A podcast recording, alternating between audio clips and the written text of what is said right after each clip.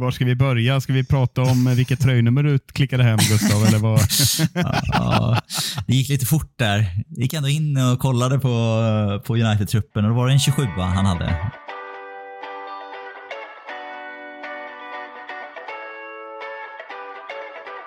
Can Manchester United score? They always score. Rooney! Oh, wonderful! It's Berbatov! It's brilliant! Marcus Rashford! Oh, glorious! That is a special one! It's Beckham! It's a beauty!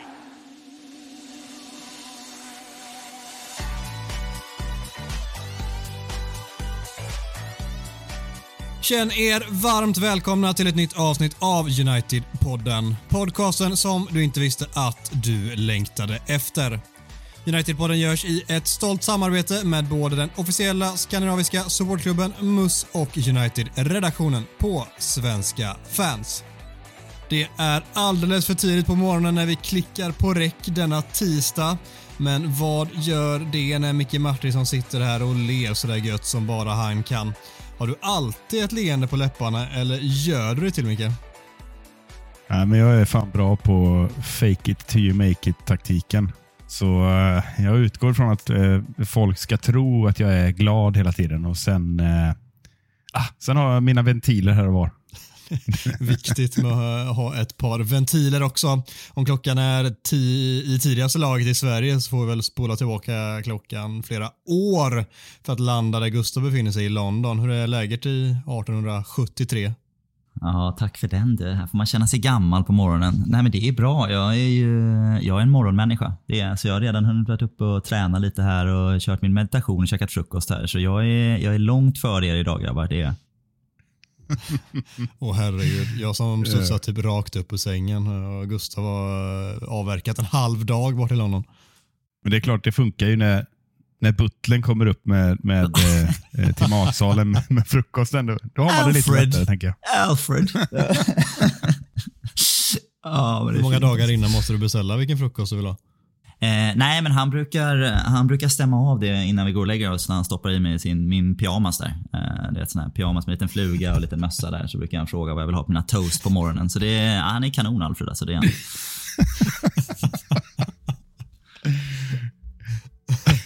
Ja, det Fråga är på det? underbart. Nej. Har du, nej, nej, nej, verkligen ingen. Har du lyckats eh, snappa upp även i din tidszon eh, vilken Champions League-grupp United fick i veckan som passerade? Du, det har jag gjort faktiskt. För nu har man börjat eh, pussla med reseschemat här. Man hoppas kunna få in eh, ja, men både någon hemmamatch och kanske någon, kanske någon bortamatch här. Jag har lite, jag har lite goda vänner på eh, ja, två av tre destinationer här. Eh, förstås, Köpenhamn ligger, ligger ju nära till hjärtat, men även, även Istanbul har jag varit i en hel del. Så titta lite på om man kan ta sig dit kanske. Så jag tycker det var en härlig grupp. Vad, ty, vad tycker ni? Ja. Nej, men jag, jag gillar den också. Vi får ett stormöte med Bayern München och sen får vi två lag som vi inom citationstecken ska slå, så vi ska ju ta oss vidare i alla fall. Men eh, vi får ändå ett par roliga möten också, så jag, jag är nöjd. Jag satt och jobbade i Köpenhamn där i hopp om att kanske, kanske till en promilles chans kunna få någon biljett till den matchen och, och se den på plats. Vi, vi får väl se hur det blir med den saken, men eh, rolig grupp tycker jag. Verkligen, verkligen. Alltså jag tror ju jag tror United bör gå vidare, men det är lite lurig grupp. Alltså. Vi ska nog inte bara tänka att oj, vad det här går lätt. Alltså, Bayern München eh, är bara budgetera för att eh, det är max en poäng i min känsla på två matcher. Men, men tar vi tre där så men då har vi en god chans. För de andra lagen ska vi ju bara slå framåt och bakåt, tänker jag. Men eh, en lite lurig grupp. Ja, jag tycker det är bättre att möta, möta kvalificerat motstånd eller lag som man är på tårna med. Jag är livrädd för sådana här Arsenal-grupper, sådana här Europa League-grupper som är bara massa lag Conference som League, spelar sin... Conference League, precis. Till och med. Alltså. Nej, men det känns som det är bara massa lag som spelar årets match. Alltså det är, det är den största händelsen på året när de ska möta möta Arsenal i det här fallet. Och det är bättre att ha liksom, ja, men lite Bayern München, lite Galatasaray, lag som är lite vana med att spela den här typen av matcher och kanske kan ha liksom en vanlig dag på jobbet. Att det inte ska vara liksom den största, största matchen i historien. Liksom. Så jag tycker att det är, nej, jag, jag ser hellre sådana här motstånd än, än Sevilla och Betis och allt vad det är. Ja, jag bara säger det Adam, på tal om största match i historien. Du spelar ju en sån match i veckan i Korpen. Hur går det egentligen? Du får inga rapporter alls från Korpen. Jag har inte frågat det förra veckan istället. Nu, nu har jag en vecka med en tung förlust i ryggen. Förra veckan har det varit mycket muntrare. Det, det går upp och ner med det här korpenlaget kan jag meddela. Vi är ett eh, klassiskt jävla mittenlag som eh, varken kan eh, rå på bjässarna eller eh, torska mot de som är sämre än oss. Det, det är fan inte mycket roligare än så. Sen så får vi slita där när det är matchstart 21.30 en jävla måndag. Vilka kan då? Då är liksom en halv avbytare som, som bäst i det fallet. Så får man springa runt där med pingislunga i 40 minuter. Det, det har jag inte i mig men eh, vi får gneta på med Stenfors BK ändå. Och den halva avbytaren är förstås Mackan, för det är, Det är alltid, Mackan. alltid hans fel. Ja, allt är alltid hans fel. Det ska ni ha jävligt Han är halv i allt han gör. Vad, vad har du för... eh, Vem, vem är du lika som spelar i United-truppen just nu, Adam? Av de som spelar just nu, Mm. Jag vet att du vill säga Paul Scholes, men det kan du inte få säga. nej, men jag brukar alltid säga Michael Carrick eh, liksom historiskt, så vem fan är mest lik Michael Carrick i nuvarande eh, trupp? Det har vi ju ingen egentligen, eller? Det har vi ingen egentligen. va? Nej. Det som saknas. Jag är absolut ingen Casemiro. Jag har liksom inte vunnit en närkamp i mitt liv. kan det vara... eh, Ja, ja. Vem fan är mest lik Carrick? Nej, jag låter lyssnarna få eh, avgöra det. Har vi någon som är lik Michael Carrick i, i nuvarande trupp ens? Jag tror inte det. Eh, nej. Ja, ja, vi, har, vi har mycket att prata om idag så vi får väl helt enkelt se till att uh, göra det eller? Jajamän. All in.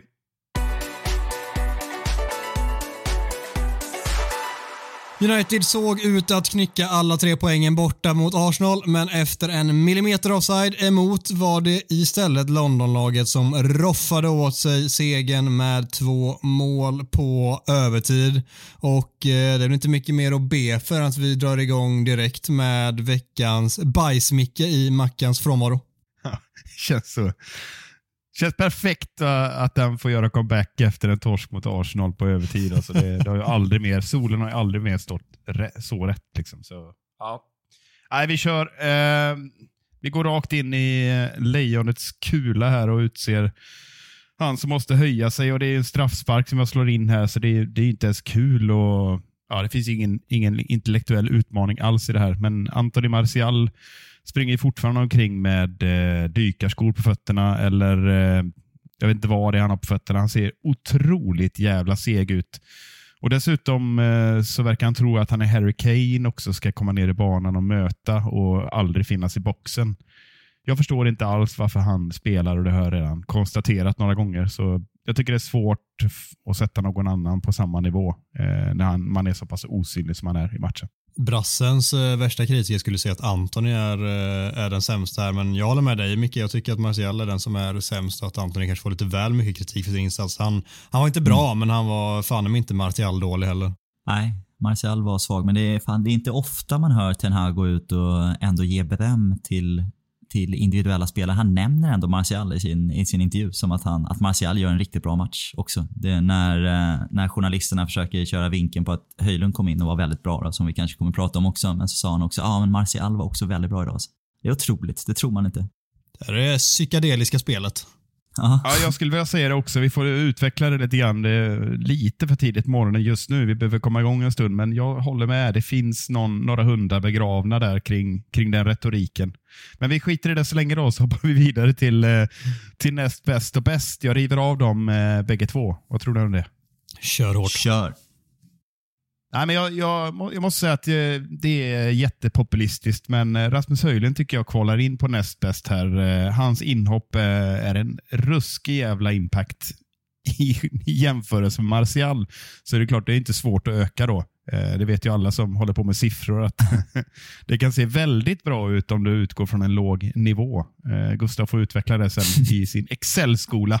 Men eh, jag tycker att hans inhopp är så jävla positivt och på alla sätt så ser vi ju direkt att det är en spelartyp vi inte haft i laget på väldigt länge skulle jag säga. Jag kommer inte på någon på rak arm nu, men med, med sin presence som han har och bara fäller ut sina bommar så ser man att Gabriel får ju liksom klättra i ryggen på honom. och det, det är väl inte solklar straff som, som Ten Hag eh, säger, men eh, det är inte långt borta att han lyckas riva till sig en straff där. och på många sätt så eh, hans närvaro gör sina lagkamrater bättre och det är precis det vi har efterfrågat. Så jag ger honom näst bäst och så river vi av bäst samtidigt.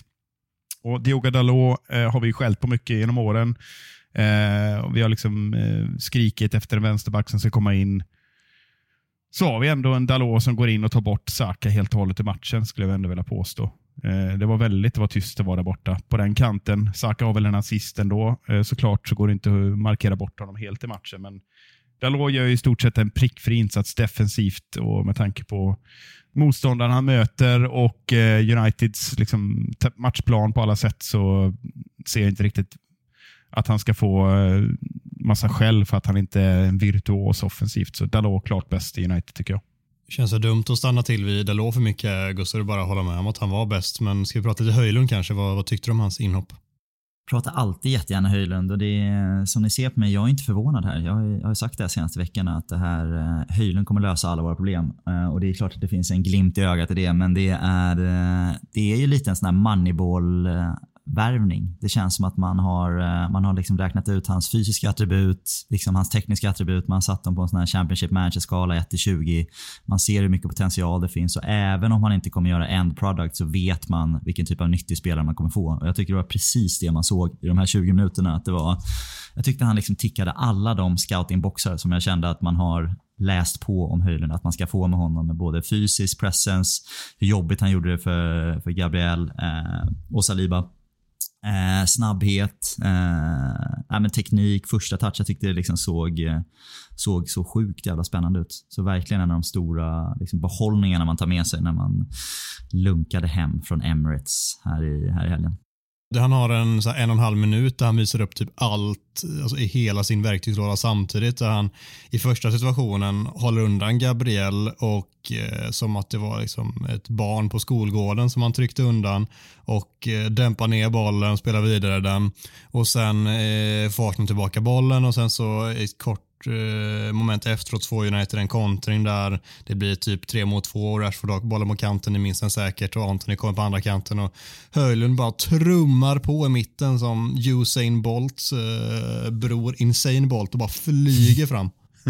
Insane Bolt. ja. Nej, jag tyckte han var... Nej, det ska bli så otroligt kul, kul att följa och jag tycker att det, man, man ser direkt vilken, liksom vilken skillnad det gör på alla andra spelare också. Vad det, vad det, vilken yta då Rashford får på sin vänsterkant. Eh, Garnacho när han kommer in också så tror jag att det, liksom, det kommer fri, frigöra så jävla mycket för, för andra på planen. Eh, om han kan ha den här presence även om han inte kommer trycka in 27 mål säsong 1. Men jag tror att det kommer bli mycket mål också. En annan sak jag tänkte på var ju hur han såg ut när han stod där vid, vid sidlinjen. Borta var den här Teos-frillan med, liksom, ja, ni vet, eh, såg ut som torrt bröd i, i huvudet med fyra, fyra rostade skivor som bara hängde ner i någon lugg. Och så bara tog han bort det och så såg han ju ganska, vad ska man säga, eh, stenhård ut. Som en typisk eh, dansk viking som precis skulle in och annektera eh, något jävla land. Äh, men bara det, så han, tycker han, han såg jävligt avspänd ut. Det kan ha, visst, han kan ha slängt på en, liksom, en attityd, men jag tycker han såg eh, ja, men otroligt avspänd ut. För det är ju trots allt debut eh, mot, borta mot Arsenal med alla de förväntningarna och den prislappen. Så jag tycker också mentalt verkar han ha fixat eh, sin, sin debut på ett mycket bra sätt skämt åsido om frisyren, men eh, han och Garnacho kan ju starta någon form av pojkband, det ser man ju. Nej, verkligen. Ja, jag har möjligen eh, vissa reservationer till att göra, alltså nämna, utnämna honom till eh, den näst bästa spelaren, men med tanke på att vi är jävligt glada att se honom i spel så kan jag godkänna den här gången och så gå vidare och prata lite grann om, du var inne på det, de här domsluten, vi ska inte prata för mycket om det, men det blir ju intressant när Ten Hag så tidigt efteråt går emot och är eh, väldigt kritisk till hur eh, vissa beslut har tagits. Till exempel den här offsiden på Garnacho, att han tycker linjerna dras fel. Man kan ändå förstå honom lite grann. Det känns så jävligt märkligt, men vi får bara lita på att de gör rätt. Vad annars ska vi göra? Och sen straffsituationen som du säger Micke, jag tycker nog inte kanske att det är straff, men det är jävligt nära inpå alltså. Och sen så eh, att eh, Evans hålls undan där, det kanske ändå är i mjäkigaste laget och det kanske ändå i slutändan är rätt att eh, Eh, det får godkännas. Men det är tajt situation som Ten Hag trycker stenhårt på efteråt och det kanske är för att ta bort lite fokus från annat i matchen. Ja, det känns som en klassisk eh, Mourinho. Eh, det finns ju några situationer som absolut går att ifrågasätta. Jag vet inte Gustav, du var på plats som Mhm. vanligt naturligtvis. Säsongskort på alla Premier League-arenor. eh, Alfred fixar. det, det, det känns fysiskt omöjligt att vara på plats överallt, men ändå har du möjligheten. Men hur upple- hur upplevdes offsiden på plats? För jag, eh, det är så cyniskt. Jag firar ju inte. Jag, jag, jag väntar bara på att det ska vinkas av. För jag var, när jag såg det, jag såg passningen, jag såg löpningen, tänkte jag det där är offside. Ja, nej, men det var en, eh, det var en känslo, känsloresa. För jag tyckte att min, min initiala känsla, jag tror som alla var att ah, där är han offside. Va? Redan direkt när han, ens när han tar första bolltouchen så känner man att ah, jag kommer hålla tillbaka någon, eh, något firande här för det känns, känns som att han är offside. Men det är klart, det blir mål och det, är ändå, det blir ett sånt här, det är ett 70% firande i, eh, i klacken. Det är det ju liksom. För alla vet att det är så här, att den där känns lite offside. Det är det, det är det VAR har skapat. Och sen så kommer den där kamerabilden upp och då ser man första vinkeln så känner man så här, nej han är nog fan onside alltså. Vi är nog, det är nog lugnt. Och då känner jag liksom 90-10 fördel att eh, nej men han är nog fan onside. Och sen så lyckas de du vet, så här, dra de där linjerna och så går det en minut till och så är det då inte det. Så det är en sån jävla, det är en sån jävla känslostorm. Så jag är helt... Eh, just att, det, att vi inte får det målet är jobbigt i sig, men jag eh, säger direkt till polarna bredvid bara så här, vi vet vad som kommer hända nu. Liksom. Den här jävla matchen. Det är bättre att vi går hem nu. Vi vet exakt vad som kommer hända nu. Och mycket riktigt Ja. så, liksom, vad är det, 6-7 minuter senare så kommer den liksom, och jag är helt, jag är helt knäckt. Vi skulle gå ut och käka, vi hade reservation på någon restaurang sen efter och jag bara, nej, jag går hem. Jag kan inte, jag liksom, som ett jävla barn så var jag helt, helt jävla svart i blicken hela, hela kvällen. Eh, frä- främst för att vi gjorde en väldigt, väldigt bra insats, tycker jag. Och förtjänade, jag tycker vi förtjänade mer. Men vi kanske ska, om ni vill fortsätta fastna på, på offside-situationen så kan vi, Nej, kan vi ta det på. först innan vi summerar. Nej, jag tycker, att det, jag tycker att vi ska vara superstolta och jag tycker att vi såg massa grejer som jag verkligen gillade i, i den här matchen. Vi, alltså, vi har vi har mer bollinnehav än Arsenal på bortaplan första halvlek och jag vet att det är mycket passningar på egen planhalva.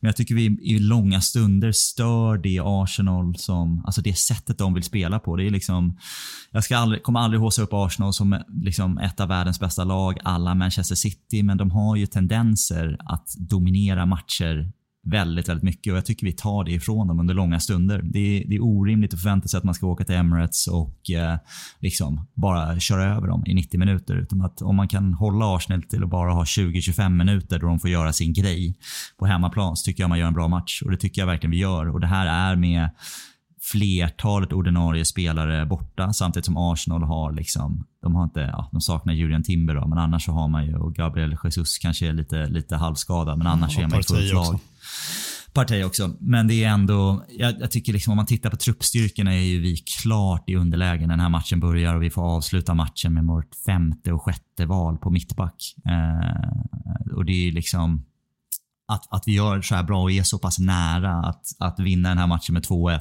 utan att skämmas. Eh, så eh, tycker jag vi ska vara jätte, jättestolta över en bra insats. Ja, jag, tar, alltså jag har inte så mycket att tillägga egentligen, för jag håller, jag håller exakt med om hela den analysen. Det, det är väl liksom, eh, tittar man på Twitter och tittar man på liksom våra lyssnare som, som bollar in, in frågor så är det klart att det var någon som skrev att eh, vad är Uniteds matchplan? Är det att stå och bolla i backlinjen med Onana? Han ska stå och trampa på bollen och sen ska vi slå upp bollen och bli av med den. en Rashford förlorar en nickduell. Alltså det, jag håller med om, liksom, det är klart som fan att det, det är inte det som är matchplanen, men samtidigt med allt vad Gustav har sagt nu, det är inte, vi kan inte åka ner till, till London och tro att vi ska rulla ut Arsenal. Vi är inte där. Och det Vi gör i stort sett en perfekt bortamatch givet alla förutsättningar. Det handlar om att vinna matchhelvetet. Nu gjorde vi inte det. Vi är millimeter ifrån att göra det med allt som du säger Gustav. Och då tycker jag då är det inte läge att titta, men, eh, hur, varför spelar vi inte ut och varför funkar inte de passningstrianglarna och varför äger var, eh, vi inte bollen hela matchen? Då kan man inte fotboll tycker jag om man, om man drar den slutsatsen.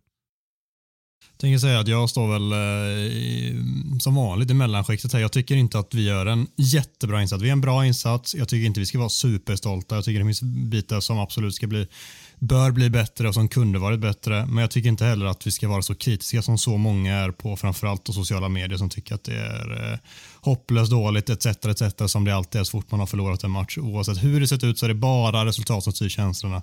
Eh, och så är det ju inte. Jag tycker att United är en bra insats. Jag tycker att United är bra på att eh, Eh, i perioder radera ut Arsenal, men jag tycker också att United har svårt att skapa målchanser i slutändan också och det är där min kanske främsta kritik ligger. Att det, det är lite så att vi står väldigt mycket i backlinjen och rullar. Vi kommer inte fram närmare mål och jag tycker att när Arsenal gör det så är de bättre på att kännas farliga och luriga än vad United är sett över 90 minuter. Och då tycker jag att det är en jämn match. Det är, ett kryss kanske hade varit rättvist. Vi hade absolut kunnat vinna. Det känns jävligt hårt att förlora den på sättet som vi gör. Och eh, vi ska inte vara för kritiska som väldigt många är. Nej, men jag, jag köper det. Jag skulle vilja, eh, nu nämnde vi inte honom alls här, eh, men Onana skulle jag vilja nämna och det, jag tycker det är så jävla intressant att se att det är den här effekten vi har liksom betalat pengarna för när man, när man ser hur Arsenal släpper sin första press. För att man är, man är orolig, att man inser att United har en spelare till där bak som man bollar med. Vilket gör att man faller, liksom, Arsenal naturligt faller bak liksom 20 meter till i sin, i sin första press. För att man är orolig att Onana ska ska kunna spela United ur situationer och det är här jag tycker det är liksom det är de här grejerna som är så man inte tänker på när man, eh, när man släpper de Gea och, och får in Onana. Att liksom bara hans presence där bak kommer göra att lag förhåller sig annorlunda till press på United. När man hade de Gea, Lindelöf och Maguire som skulle bolla i en triangel där bak så var ju bara alla bara liksom man, det osade ju liksom oro vilket gjorde att alla bara, bara tryckte på United, vilket man inte kommer göra nu på samma sätt. Vilket jag tycker är grymt. Så jag tycker att han har liksom verkligen går från klarhet till klarhet varje match han har, han har varit i United. Verkligen. Han slår ju typ en felpass, men, men samtidigt så eh, känslan är att Arsenal ändå, om vi ska gå in, det där, in, in i det där taktikträsket, eh, Arteta har ju naturligtvis noterat det här, så att det är ju, man kan se det på två sätt. De backar medvetet ner sin fyramanna eh, press eh, som de har längst upp och hugger eh, rätt hårt på så fort bollen kommer upp mot, eh, mot Casemiro. Då försöker Ten Hag flytta ner Casemiro många gånger och framförallt Eriksen i sin den här quarterback-rollen. Och Problemet hamnar väl lite längre upp i banan för United och det är väl att lösa framöver. Men jag håller med dig Gustav att det, det känns ju skönare att ha pressen mitt på egen planhalva än i eget målområde som det var ja. ibland förra året. Mm. Och vi har inte nämnt det än, det var ett äh, jävla fint mål vi gjorde också. Då var det mer, vi fick möjlighet att ställa om plötsligt och äh, snabbt gick det och Rashford visar upp igen vilken jävla superspelare han är från vänsterkanten och vilken effekt han kan få trots att han bitvis i matcherna kan försvinna så blixtrar han till och är fullkomligt ospelbar också emellanåt. Mm. Ja, det, är, det är två jävligt fina mål vi gör. Uh, och lite, som har lite samma, samma vibb på hur jävla snabbt det går i omställningarna och hur fort vi hittar spelare i maxfart. Uh, så det är... Nej, Rash, Rashford när han får bryta in för sin vänsterkant, det är väl, om det var någon som fortfarande hade den där debatten om Rashford i mitten eller Rash, Rashford från vänster så tror jag att den är, den är väl död och begraven nu va? Det känns så. Efter matchen så har det också kommit uh, ett, i alla fall ett par besked också som har lämnat en hel del svallvågor. Det allra första kom ju relativt färskt efter slutsignalen när eh, Erik Den Hag fick frågor om Jadon Sancho som inte var med i truppen. Många kanske tänkte att det handlar väl om en skada, men enligt Erik Den Hag så var det helt enkelt ett eh, sportsligt beslut taget på hur Sancho har varit på träningarna under veckan. Han har inte tyckt att han har levt upp till förväntningarna och den nivå som han kräver och därav eh, fick han inte en plats till, i truppen. Hur eh, reagerar du på detta Micke?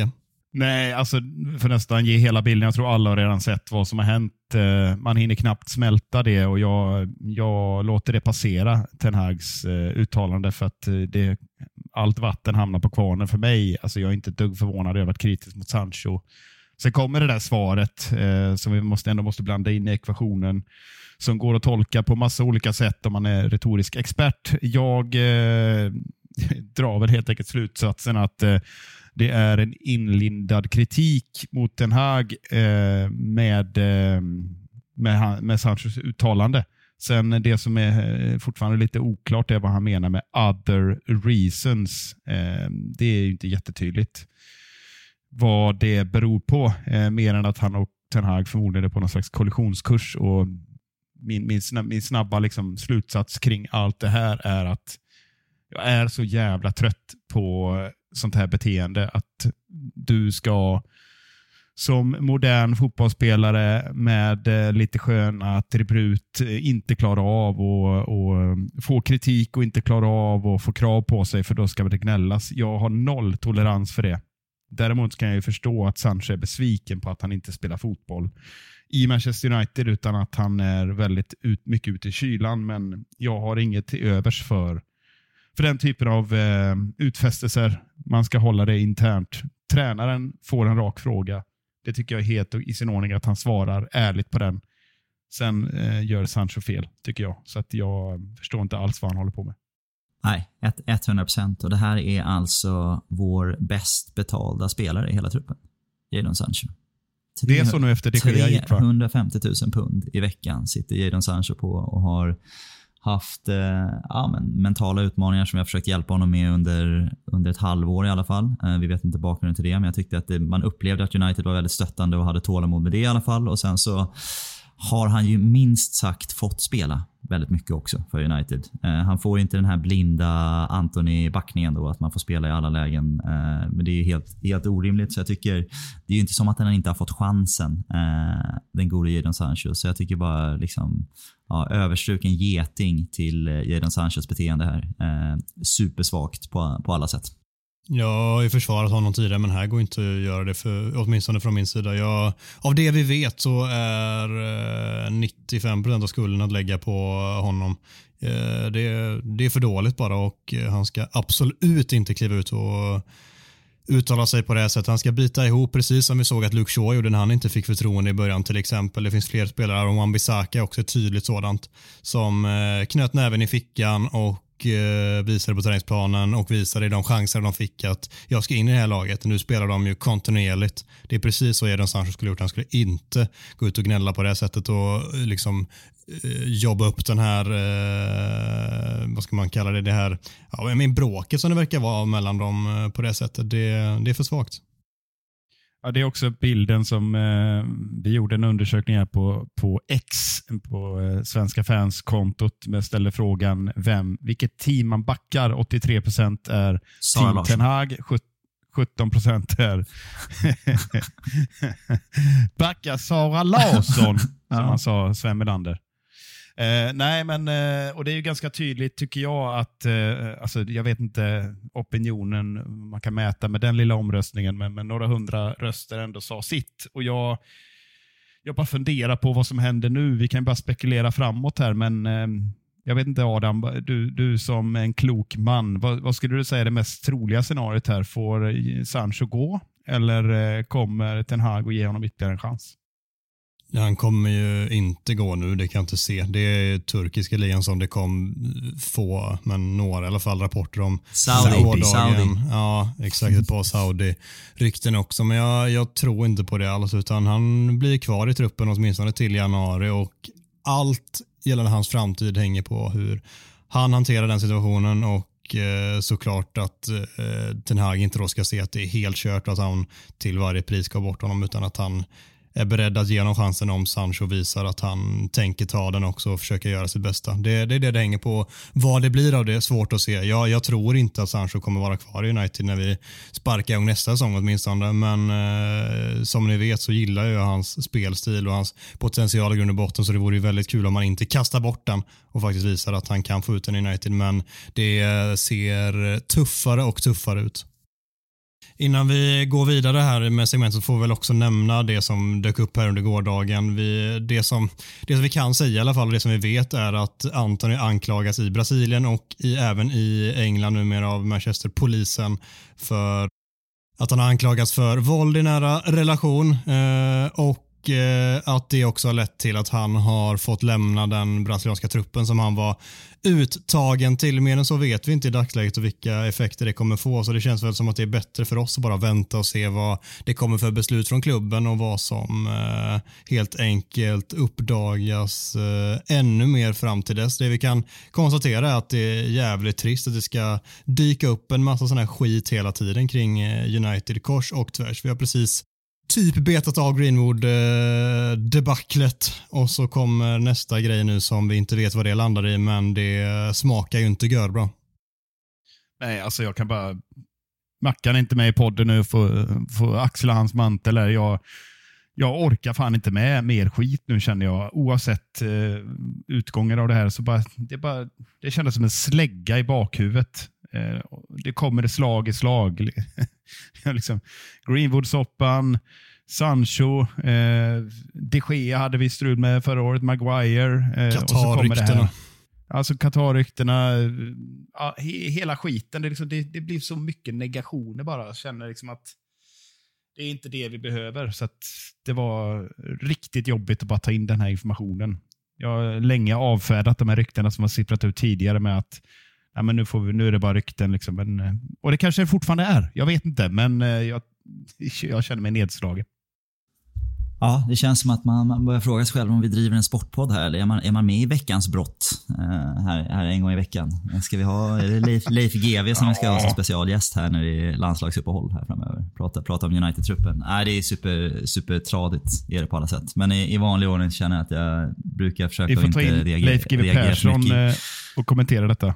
Ja, precis. Det, vi måste ha in honom. Eh, nej, men som vanligt känner jag i alla fall att det, jag vill inte reagera för mycket i affekt eh, när det är eh, såna här eh, uppgifter. Så att jag tycker försöka få lite mer, mer eh, kött på benen i, och information innan man, innan man bedömer vad, vad man tycker. Men det är ju super eh, ja, värdelöst helt enkelt att det ska komma mer sån här information. Så jag hoppas att det inte, att det inte stämmer. Det ska väl också nämnas att Anthony själv har gått ut på sociala medier och eh, väldigt tydligt eh, nekat till de här anklagelserna. Vad det nu är värt, men så var det ju absolut inte i Greenwood-fallet. Vi, vi får se helt enkelt vad det, vad det leder till, men det är en jävla soppa det här också. Det får man säga att det är. Jag, tyckte, jag trodde du sa när vi skulle prata om de stora nyheterna efter matchen här, att vi skulle lyfta upp eh, den här Roy Keane-situationen. Det, det gör mig förbannad. Alltså, han har, det är någon som har attack attackerat min kapten Rör inte min kapten, ska jag säga. Det var en jävla full Arsenal-fan som har gett sig på att skalla honom här när han har varit på väg ner till, eh, till eh, planen från, från sin eh, lilla box där uppe på Emirates. Det är fan inte okej. Okay. Det, nej, rör inte min kapten. Jag tänkte först såhär, 42-årig Arsenal-fan. Tänkte, fan hur gammal är Patrick Vieira igen? Ge dig på någon i din egen storlek. Patrick Vieira. Ja. Då blir det en armbåge i ansiktet om du tjafsar. Ja, nej, så det, det är för jävligt tycker jag. Så ska vi inte ha det. Nej, så kan vi inte ha det. Succésegmentet Talk of the Town har denna veckan bytt skepnad en aning och kommer istället att ledas av Gustav Kulle som har nagelfarit Uniteds transferaktivitet den gångna sommaren. Och jag lämnar över till dig Gustav och säger gör din grej. Ja, tack och bock. Det är ni som har gnetat mig här senaste veckan att jag ska göra det här och jag har sagt så här, nej men jag vill inte, jag vill inte. Och jag har varit verkligen så här, men eh, jag, jag ställer upp grabbar. Det är klart, jag, jag drar den här för laget då, som att ni vill att jag kör det. Så nej, jag tänkte vi skulle gå igenom samtliga spelare vi har köpt, samtliga spelare vi har sålt. Uh, titta lite på timing, titta lite på pris, prislapp och kontrakt. Uh, och sätta ett klassiskt betyg från 1 till 6. Eh, där 6 är bästa möjliga nyförvärv eller försäljningar och 1 då är katastrofförsäljning eller katastrofdeal. Eh, och diskutera det lite då, så att vi bryter ner. Vi har haft ett ovanligt aktivt transferfönster, framförallt ovanligt aktiv deadline day. Eh, på gott och ont kanske. Men jag tänker att vi, vi river av dem i, eh, jag vet inte om jag lyckats sortera dem här i kronologisk ordning datummässigt, utan vi, vi kör bara så får vi se hur det går. Så jag tänker att vi börjar prata med spelare vi har köpt. Och den första spelare vi fick in tror jag var Mason Mount. 6 juli. Eh, så då tycker jag redan direkt att man kan konstatera bra, bra timing tidigt på, tidigt på sommaren. Att vi gör klart med en spelare som, som han. Ett kontrakt skrev på 5 plus 1 år med 250 000 pund i veckan. Eh, med en övergångssumma på 55 miljoner pund plus bonusar. Eh, min kommentar på Mount är att det är väldigt mycket pengar. Både övergångssumma och lön. Eh, för en spelare som jag känner att det finns ganska mycket osäkerhet kring. Eh, hur stor uppgradering han verkligen kommer vara på en Scott McTominay eller en Fred. Jag tycker det är lite av en chansning. Framförallt för den höga lönen för 250 000 pund. Så av den anledningen sätter jag ett betyg på den affären 3 av 6. Vad tycker ni grabbar? Uh, nej men 3 av 6 känns väl ändå godtagbart här tycker jag. Jag förstår varför man vill ha in en spelartyp som Mason Mount men av de anledningar som du är inne på också, att det känns inte som att han är en tydlig förbättring av det vi har. Han är en förbättring, men jag har varit liksom skeptisk till honom som spelare också i Chelsea innan och är inte 100% säker på att det kommer falla jätteväl ut i detta United. Det kommer nog säkert bli en nyttig spelare, men för det, för det priset då, eh, både i lön och övergångssumma, så tycker inte jag att det är värt det. Då kan man få liknande effekt på betydligt billigare lösningar och lägga de pengarna på annat i så fall. Så eh, tre av sex eh, i mitten, rimligt jag tänker så här att Mason Mount eh, gjorde det ju jättebra i Chelsea och eh, det är en spelare som ska vara väldigt central i lagets offensiva spel. Eh, och där har vi redan en spelare som är väldigt central, Bruno Fernandes. Så att det jag har förstått att man inte har värvat honom för att, eh, ja kanske kan han avlasta Bruno såklart, men han är ju värvad för att få en delvis ny roll som eh, offensiv dynamisk åtta som ska transportera boll eh, betydligt mer än vad våra andra mittfältare eh, är kapabla till. Så jag, jag, ser, jag jämför lite grann nu till en annan, annan eh, eh, spelare som fått en del skäll och det är Kai Havertz. Eh, jag ser att det är lite liknande grepp man försöker göra här som Arteta försöker göra med Havertz. Nämligen spela in honom som en eh, offensiv åtta som ska ta djupledslöpningar in i boxen, men också eh, eh, vikta Arsenals mittfält mer offensivt. och Det är precis det Ten Hag försöker göra här med, med Mount. Och eh, Jag tänker inte ha någon jätteåsikt här om, om ditt betyg Gustav, utan just nu så är det en solklar trea, men eh, jag ser ändå ljusningar framåt. Jag tror att Mason Mount kan ta kliv, men det kommer nog tyvärr ta en säsong innan vi ser den Mount som eh, Ten Hag vill se. Mm ja, men han är 24 år, så han har ju tid. 5 plus 1 kontrakt. Det ju, visar ju att vi, vi ska försöka få hans bästa år här. Så det finns ju, det finns ju hopp. Jag är mer bara så här, nu sitter vi med 350 000 pund problem Jadon Sancho. Uh, jag vill inte att vi ska sitta med 250 000 pund problem Mason Mount som vi inte kan sälja för de pengar vi vill ha för att han egentligen bara är värd en lön på 120 000 pund uh, och ska spela i West Ham. Uh, så jag hoppas att så inte blir fallet. Vi hoppar vidare då. Vår andra transfer eh, nämnde vi lite här tidigare idag, så det är Onana. Eh, 27-årig, signade 20 juli. Eh, också väldigt bra timing tidigt. Ovanligt tidigt att vi har två, två sådana liksom, högklassiga spelare rakt in i startelvan redan i juli. Kontrakt även där, 5 plus 1. 100 000 pund i veckan, så en ganska ordentlig downgrade från de 375 000 pund i veckan man hade för David de Gea. Summan eh, 44 miljoner pund. Eh, mycket pengar för en målvakt eh, kan man tycka, men han är ju så väldigt mycket mer än så. Det var det jag nämnde här i samband med Arsenal-matchen. Vilken, alltså, hur dynamiskt eh, vårt, vårt uppspel blir och hur, hur mycket det förändrar våra motståndares Eh, gameplan mot oss när man har alternativet med Onana som, eh, som uppspelspunkt. Så det är en stor pusselbit som har saknats här som Ten, Ten Hag har fyllt på med.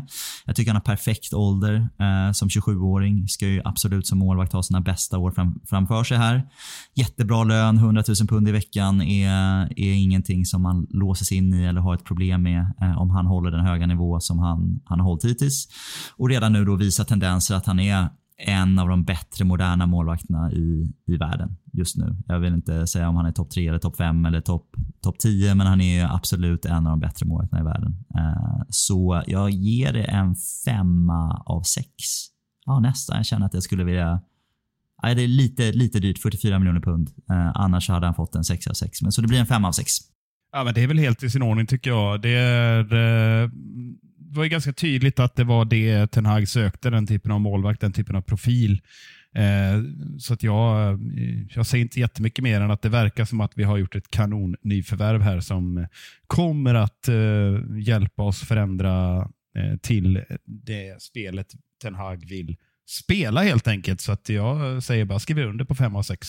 Klockrent betyg.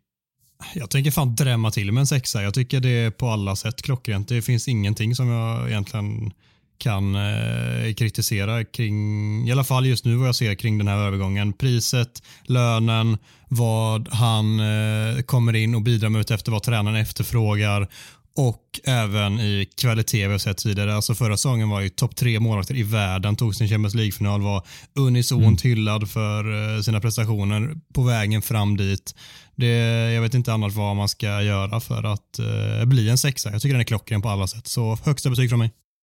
Nej, jag är beredd att revidera faktiskt. Känner att jag, du har rätt. Det är, det är, det är en topp, toppvärvning på alla sätt. Så det är, och bra har han börjat också. Och en jävla karaktär verkar han vara också. Nu har han även eh, gått ur sin early retirement för Kamerun här, så är, eh, är eh, landslagsspelare igen.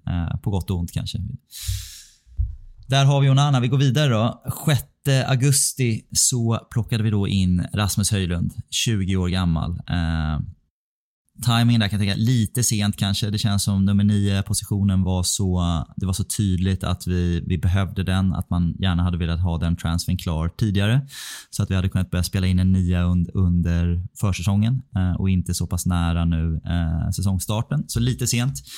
Men kontrakt även där 5 plus 1 verkar vara det enda man kan räkna till där på, på Finance Department. Så det blir ett 5 plus 1 där också. Eh, 80 000 pund i veckan eh, ryktas hans lön vara. En övergångssumma på 64 miljoner pund plus add-ons. Någonstans 8, 8 till, så någonstans kanske upp till 75 eller ja, 72-73 miljoner pund. Eh, all in. Eh, vad man kan säga om det, det är ganska dyrt eh, kan man tycka för, för en spelare som har gjort så få mål och så få 90 minuters matcher på, uh, i Serie A. Men som vi sa här när vi pratade lite om uh, hans prestation på, uh, mot Arsenal här. Det är lite en vad jag kallar en moneyball-värvning. Man, man köper attribut som man tror kan explodera i United. Man, man köper potential. Eh, och jag är helt övertygad om att om man kan få, få till det med de attribut som han sitter på så kommer den här övergångssumman liksom vara värd flerfaldigt. Eh, flerfaldigt gånger om. Så jag, jag tycker att det här är en, en riktigt, riktigt bra värvning. Om än lite dyr kanske. Eh, så jag sätter en femma av sexa på Rasmus Höjlund. Vad tycker ni? Det, det kanske är där. Jag, jag, kanske vill landa på en fyra, men eh, jag är så extremt såld på den här spelaren och eh, spelaregenskaperna och allting. Vad jag kan bara se hur det ska passa väl in också i detta Manchester United och i Premier League. Det, men jag tycker det är lite för tidigt att sätta någonting högre än en fyra. Så jag, jag tycker det är en bra värvning. Den har potential att bli både en femma och en sexa. Men eh, med det vi vet så tycker jag att det är svårt att sätta högre än det och då landar jag på fyran. Jag skulle säga, mitt, mitt, logiska jag säger också en fyra, men lägger vi på lite hybris och, och känslan att den, den här spelartypen eh, har vi saknat. Eh, det är liksom en en modern anfallare på alla möjliga sätt, som, som du säger Gustav. Det, det stora minuset egentligen är ju prislappen och det kan man alltid diskutera, men, men eh, jag får inte sätta 4,5 då, så då sätter jag ändå en femma. För att jag, jag känner hybrisens underbara vindar blåsa. Ja, den sprider sig hela vägen hit. Eh, jag, läste ett par artiklar om The Athletic och kanske någon annan källa också, där många experter lyfte upp Rasmus Höjland Höjlund som den sämsta nyförvärvet den här sommaren. Alltså att han var potentiellt den liksom högsta risken att bli, bli ett platt fall. Eh, men jag tror inte alla känner så efter att ha sett 20 minuter mot Arsenal. Så upp till bevis Rasmus. Yes. Vi knatar, knatar vidare. Det var ju en uh, fy, fyra stycken, en, två, tre, fyra stycken spelare kom in här sista, sista dagen. Otroligt. Uh, vi börjar längst bak i ledet, en 25-årig turk, Altay Bajindid, uh, målvakt. Eh, som man tar in på ett 4 plus 1 kontrakt. Eh, 17 500 pund i veckan. Eh, det vill säga väldigt, väldigt billigt som ni kan se här jämfört med de andra spelarna. Eh, 4 miljoner lite drygt, men någonstans mellan 4-5 miljoner pund i övergångssumma. Eh, och Det här är då för en målvakt som har spelat 40 matcher med Fenerbahce förra säsongen, har fem landskamper i sig. Eh, kollat lite närmare på honom. Det är så han har faktiskt varit ganska kritiserad från fansen här i Fenerbahce. Eh, varit ganska skadebenägen, haft en axel och en ryggskada de senaste två åren som har hållit honom borta. Eh, Eh, Eh, som också tydligen har gjort en del på hans självförtroende. Att han inte har varit riktigt lika bra som när han kommit tillbaka från sin skada. Så det är nästan på håret om han skulle förlora sin, sin startplats här i Fenerbahce eh, i år ändå.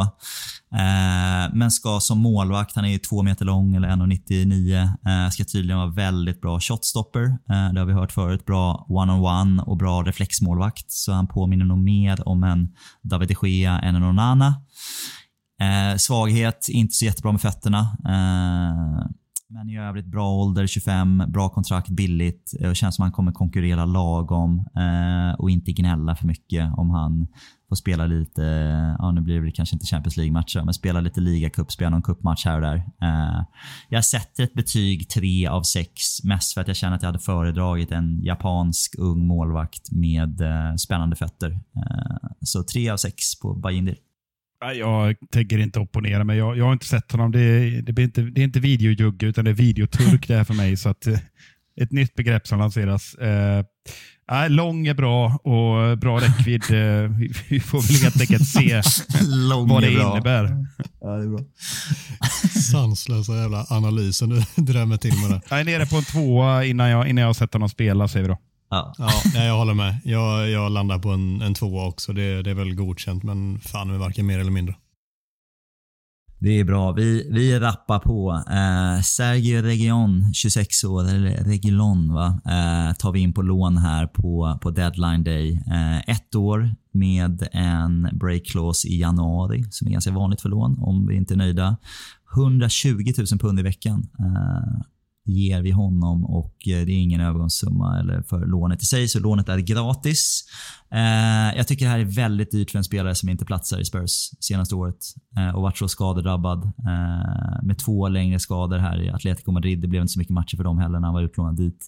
Eh, det blir en två av sex för mig. Jag tycker det är väldigt mycket pengar för, för en tredje vänsterback när, när Shaw och Malaysia är tillbaka. Luktar panikvärvning tycker jag. Eh, och Det är precis vad det är också när Shaw har eh, kallbrand, eller vad det är nu folk menar på. Eh, ena benet är ruttnat. Nej, men eh, jag vet inte fan. Alltså det, det känns som att det har blivit ännu dyrare med Cucurella eller, eller något eh, hipstrigt italienskt val som eh, alla skrek om. Eh, jag vet inte fan. Alltså, vi får väl se om han får spela så där jättemycket, för Dalot är, är ju given där ute tycker jag. Men, men eh, det är klart att Region är en bra fotbollsspelare i grunden, men han har inte fått bevisa det. Det är väldigt hackig karriär, så att jag... Ah, max tre, tvåa. Ja, jag är jävligt tudelad där, för det jag har förståelse för att klubben hamnar i den sitsen de gör. Då vad fan ska de göra? Liksom både Malaysia och Shaw eh, åker på långtidsskador väldigt oförutsett.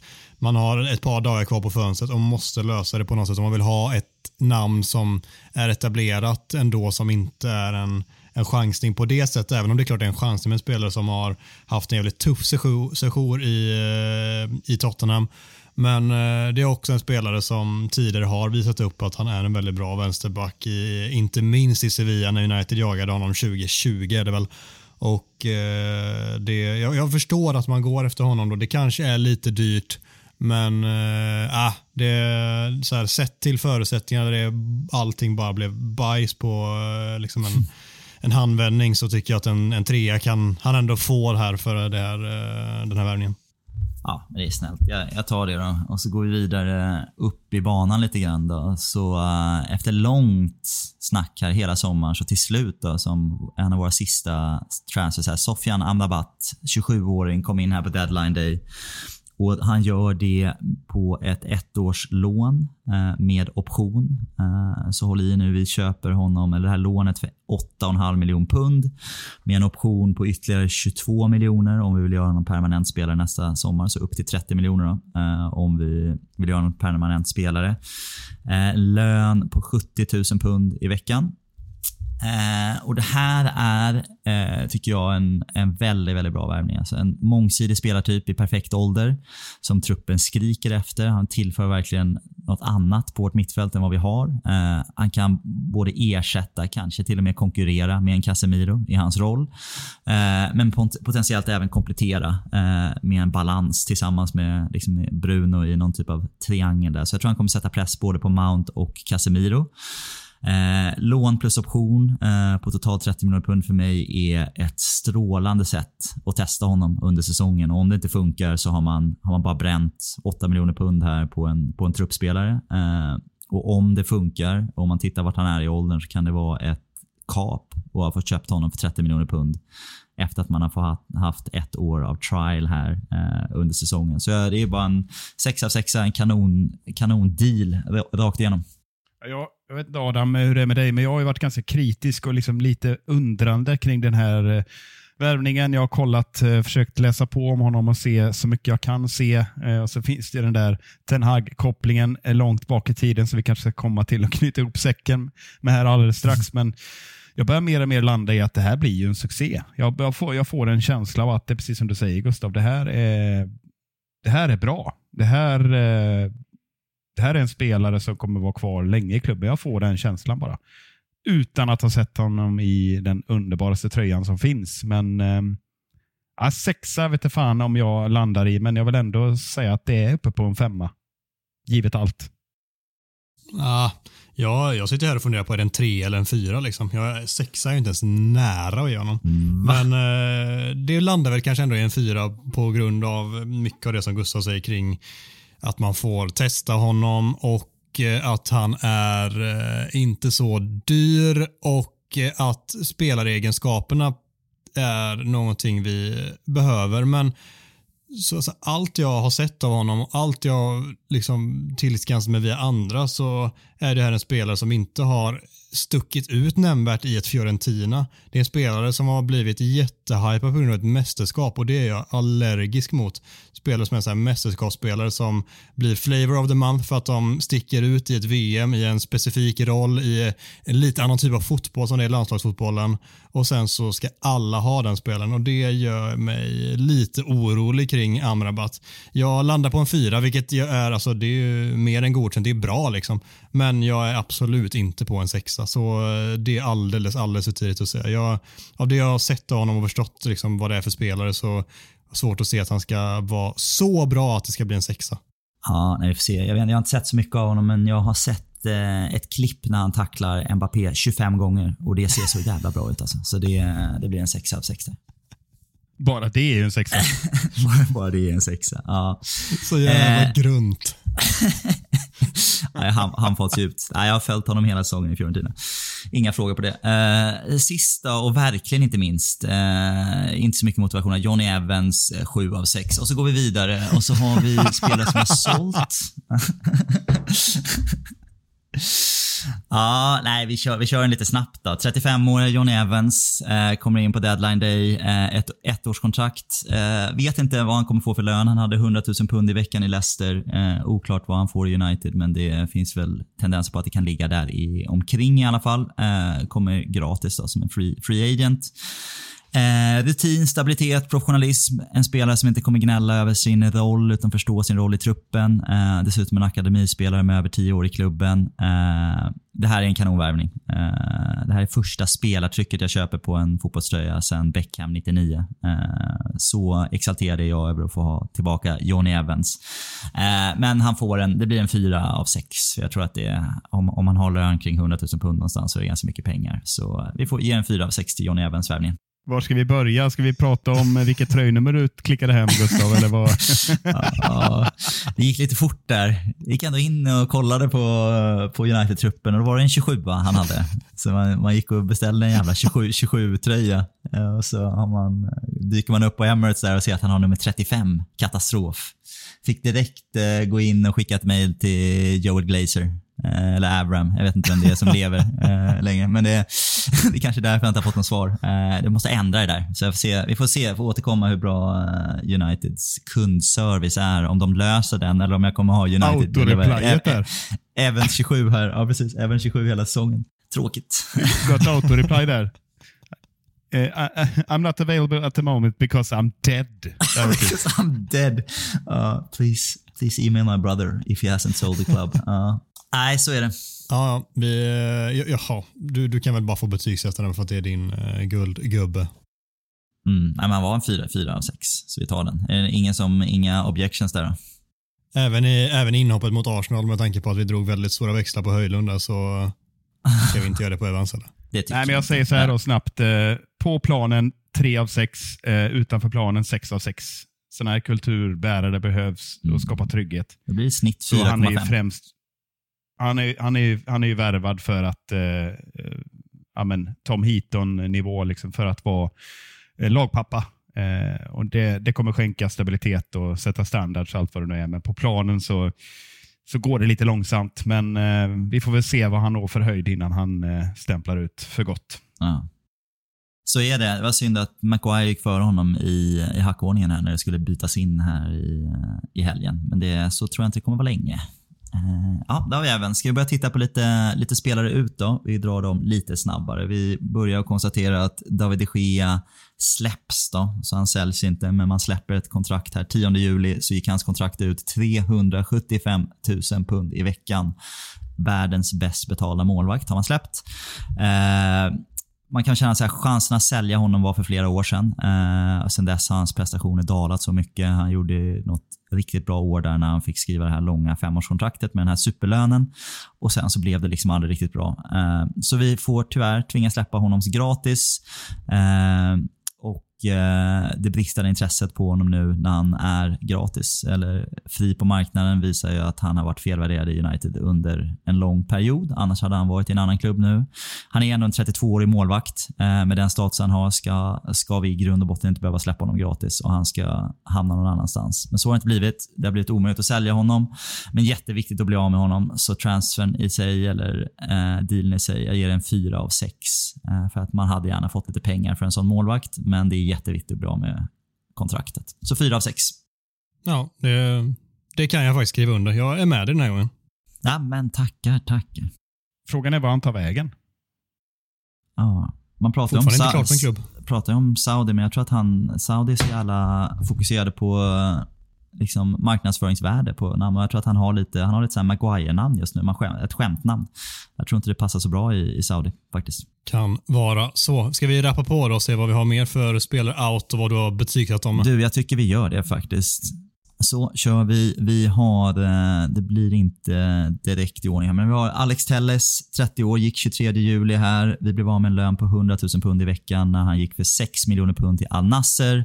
Eh, otroligt att vi kan få lite betalt för Alex Telles överhuvudtaget tycker jag. Eh, och jättebra bra. Eh, 100 000 pund, att han sitter på den lönen. Han har alltså högre lön än vad Rasmus Höjland eh, har nu när han kommer in. Så fem av sex på att bli av med Alex Telles. Skitbra. Ja, Gött rensa ut dödkött.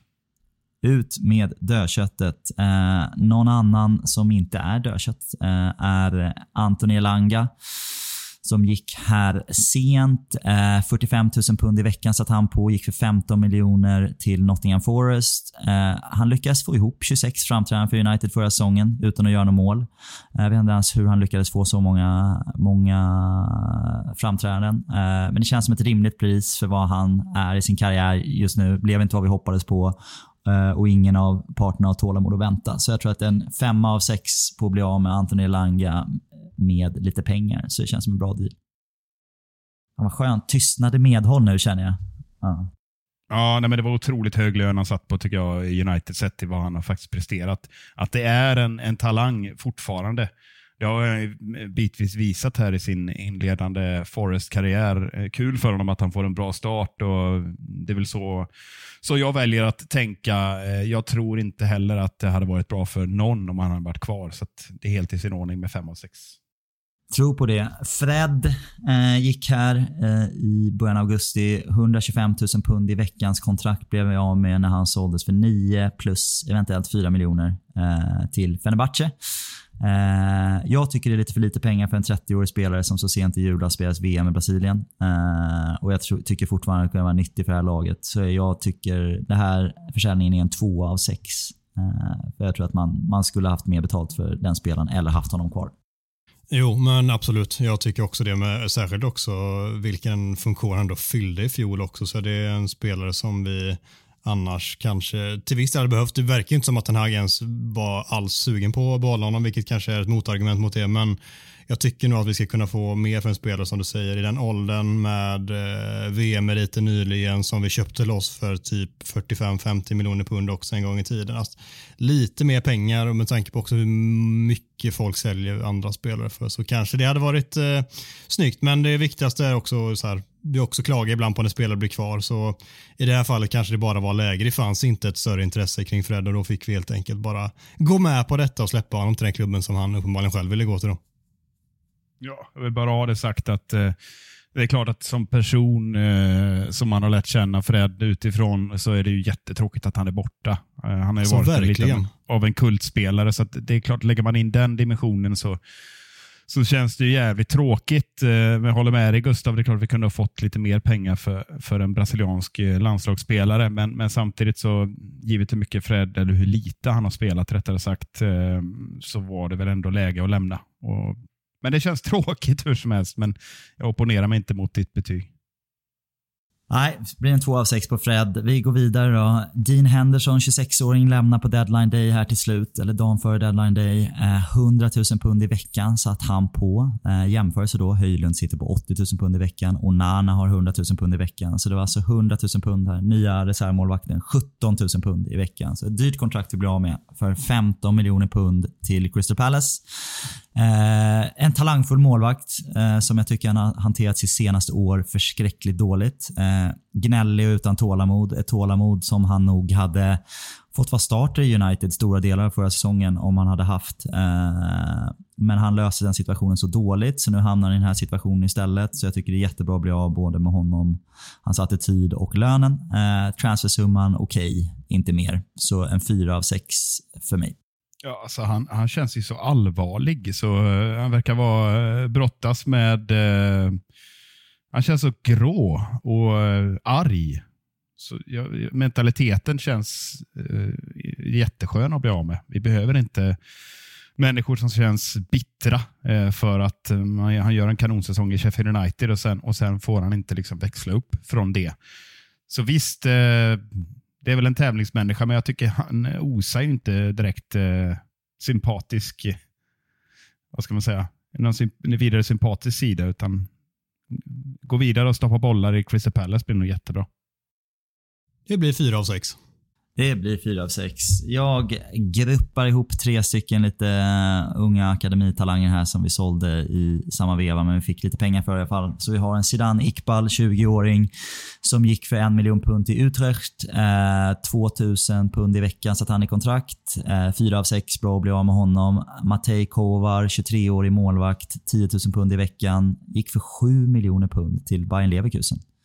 Eh, det känns som en fem av sex värvning, eller kanske sex av sex till och med. Att han är otroligt mycket pengar för en, för en ung målvakt som vi uppenbarligen inte eh, hade plats i vår seniortrupp. Och sen Teden Mengi gick här på deadline day också, 21-åring. eh, 5000 pund i veckan. Till Luton hamnade han hos. Oklart vad det blev för summa, om det blev någon summa. Han har ju varit skadeförföljd. eh, har spelat 18 seniormatcher för Derby i Championship senaste två säsongerna. Eh, inget för United att fortsätta hoppas på. Så blir det en femma av sex där att vi gör oss av med Telemengi. Eh, har ni några kommentarer på de här tre akademispelarna? Någon ni vill ha kvar? Nej, det var, det var bra. Väck, väck, väck. Väck, väck, väck. Får inte glömma Bajy, eh, Gustav.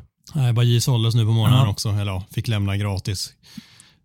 Har jag Turkland. inte hängt med på. Vart, vart, vart gick han? Han gick till Turkland. Okej, okay. ja, men det ger jag ett av sex, för jag gillar Bailly. Så det, jag vet inte ens vart han går, hur mycket pengar vi får, eller vad hans lön är. Men jag känner ett av sex. Skön Bailly ändå. Ja, det otrolig. Otroligt Så här, eh, jag ska, ska summera bara snabbt så alltså vi kan få lite siffermänniskor där ute. Vi har köpt spelare för 176 miljoner pund och tagit på oss lön på 737 000 pund i veckan. Vi har sålt spelare för 53 miljoner pund och släppt lön på 762 000 pund i veckan, vilket gör att vi har transfermässigt spenderat 123 eh, Eh, eller spenderat 123 miljoner pund mer än vad vi har sålt för. Eh, netto och lönemässigt så är det 25 000 pund mer i veckan som vi har att röra oss med nu när vi slår ihop de här spelarna vi har sålt och spelarna vi har köpt. Vilket jag tror leder oss in till vår Talk of the Town-fråga. Eh, för vi har ändå en va, Adam? Har vi inte det? Det har vi verkligen. Eh, för att rappa på den här veckan så eh, kör vi den direkt här och den lyder eh, så här. Uniteds transferfönster får för mycket kritik. Klubben gör ett bra fönster. Och du som har lett detta Gustav, jag tycker att du ska få bedöma först så kommenterar vi precis som vi gjort i det här avsnittet. Ah, snällt ändå. Det är, liksom, det är Gustavs podcast idag, för att prata mycket.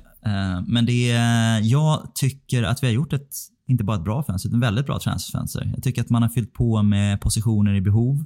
Målvakt, nia, två mittfältare. Eh, Eh, jag tycker att eh, man har sålt rätt spelare, eh, förutom Fred kanske. Man har fått bort problemet Greenwood, i alla fall för en säsong. Man har behållit spelare som Scott McTominay, som sitter på 60 000 pund i veckan. Bra att ha det. Så vad, vad, saknas egentligen för att det här ska vara ett jättebra fönster? Jo, men det är ett gäng spelare till man hade velat bli av med. Martial, Maguire, van der Beek sitter på höga löner som man gärna hade velat bli av med. Och det liksom anledning av att man inte blir av med dem med höga löner och summorna som man behöver har man inte kunnat få. Eh, och Man hade behövt bli av med de här spelarna för att kunna köpa fler spelare som jag vet att vi hade velat ha. Eh, men jag tycker att givet att vi har fått in så mycket spelare eh, så kan man kan inte lösa alla problem med en sommar. Så jag tycker man, man har gjort det bästa ut efter den dåliga situationen man har satt sig i de senaste åren med att man inte har obegränsat financial fair play eh, utrymme att spela med här. Så uh, jag hade gärna sett en till nia i truppen. En eller två backar, en mittback, kanske en ytterback uh, för bredd. Uh, men som sagt, när vi blir av med Maguire, Martial, van de Beek, löner här, kanske januari, kanske nästa sommar, så får vi, får vi lösa det då istället. Så ja, jag tycker vi har gjort ett bra fönster. Jag säger väl att det är klart att man kan ta in konspirationsteorin här att Ten Hag bara tar in spelare som han har koppling till. Det kan du se på olika sätt, tänker jag. Alltså, ja, alltså vilken tränare vill inte ha sina spelartyper? Eh, sen sen om, om, slumpen att han har, eh, har liksom korsat vägar med Amrabat och Onana eh, och har liksom en liten Ajax-profil generellt eller en holländsk profil på sina nyförvärv. Det, det viftar jag bort lite grann. Det återstår väl att se om eh, det blir eh, bra. Men eh, om man bortser från det eh, en kort stund så tänker jag liksom att men det här är ju en tydlig liksom, resa mot det Ten Hag vill göra med truppen. Han vill, han vill forma om den här truppen. Han har fått ärva en massa höga löner, en massa spelare som inte passar in i den här eh, fotbollen han vill spela. Vi är en bit på väg. Eh, jag tycker att han har fått in Eh, precis det han vill ha eh, och givet den finansiella situationen så har, han, har klubben försökt bli av med spelare. Så jag tycker det är ett klart godkänt eh, fönster. Jag ser inte riktigt hur man skulle kunna gjort det bättre om man inte blir av med de spelarna du nämnde där Gustav. Så jag, jag säger också att det, det, är alldeles för mycket kritik och det, det beror främst på att Antoni citat, är sämst någonsin i folkmun just nu och eh, utsedd till den eh, största syndabocken någonsin. Tar, tar du bort den, de hysteriska övertonerna så, så finns det inte så mycket att kritisera tycker jag.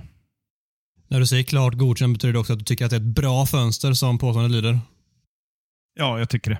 det um, jag har svårt att se, eh, igen då, gardera mig för hundrade gången, men, men givet förutsättningarna har jag svårt att se hur man skulle kunna gjort det bättre. Så det är ett bra fönster enligt mig. Ja, jag, jag landar också på det. det. Ni har sagt det mesta också, så jag ska inte sitta här som en repig skiva och säga exakt samma sak. Men eh, man kan kritisera att vissa spelare inte försvunnit, ja. Man kan kritisera att vissa övergångar kanske borde skett tidigare. Det finns ett par spelare till man hade velat ha in, eller ett par positioner till man vill ha in spelare på, utan tvekan. Men jag förstår också problematiken i att det inte bara är att sitta där som eh, på Playstation med eh, Fifa eller EAFC som det nu heter eller fotbollmän eller vad man än spelar och bara handla och skicka och eh, sätta ihop den truppen som man själv vill. Det funkar inte riktigt så. Jag tycker det är ett bra fönster. Det finns saker jag hade se som var bättre men det hade också kunnat vara väldigt mycket sämre när jag väl summerar detta. Så godkänt är det, bra är det men inte mer än så. Och Det här är vår veckans Town Hall va? Så den här vill vi ha lite snack om på sociala medier på, på fredag. Så är det verkligen. Vi skickar ut den på fredag i vanlig ordning och kom jättegärna med era synpunkter på det och rösta så ser vi vad ni tycker så lovar jag att trycka upp nästa veckas tandhål i nästa avsnitt också och lyfta upp era svar och funderingar som vi inte hann med den här veckan. För nu måste vi klappa ihop och sticka till varsina jobb och göra saker som är ganska kul men inte lika kul som att spela in United-podden. Tack för att ni varit med oss. Det här avsnittet gjordes i ett stolt samarbete med United-redaktionen på Svenska fans och den officiella skandinaviska supportklubben MUS. Vill du resa till Manchester? Bli medlem i supportklubben på mus.se och få tillgång till deras 500 säsongskort på Old Trafford. Tack för oss så hörs vi igen om en vecka. Ta hand om er.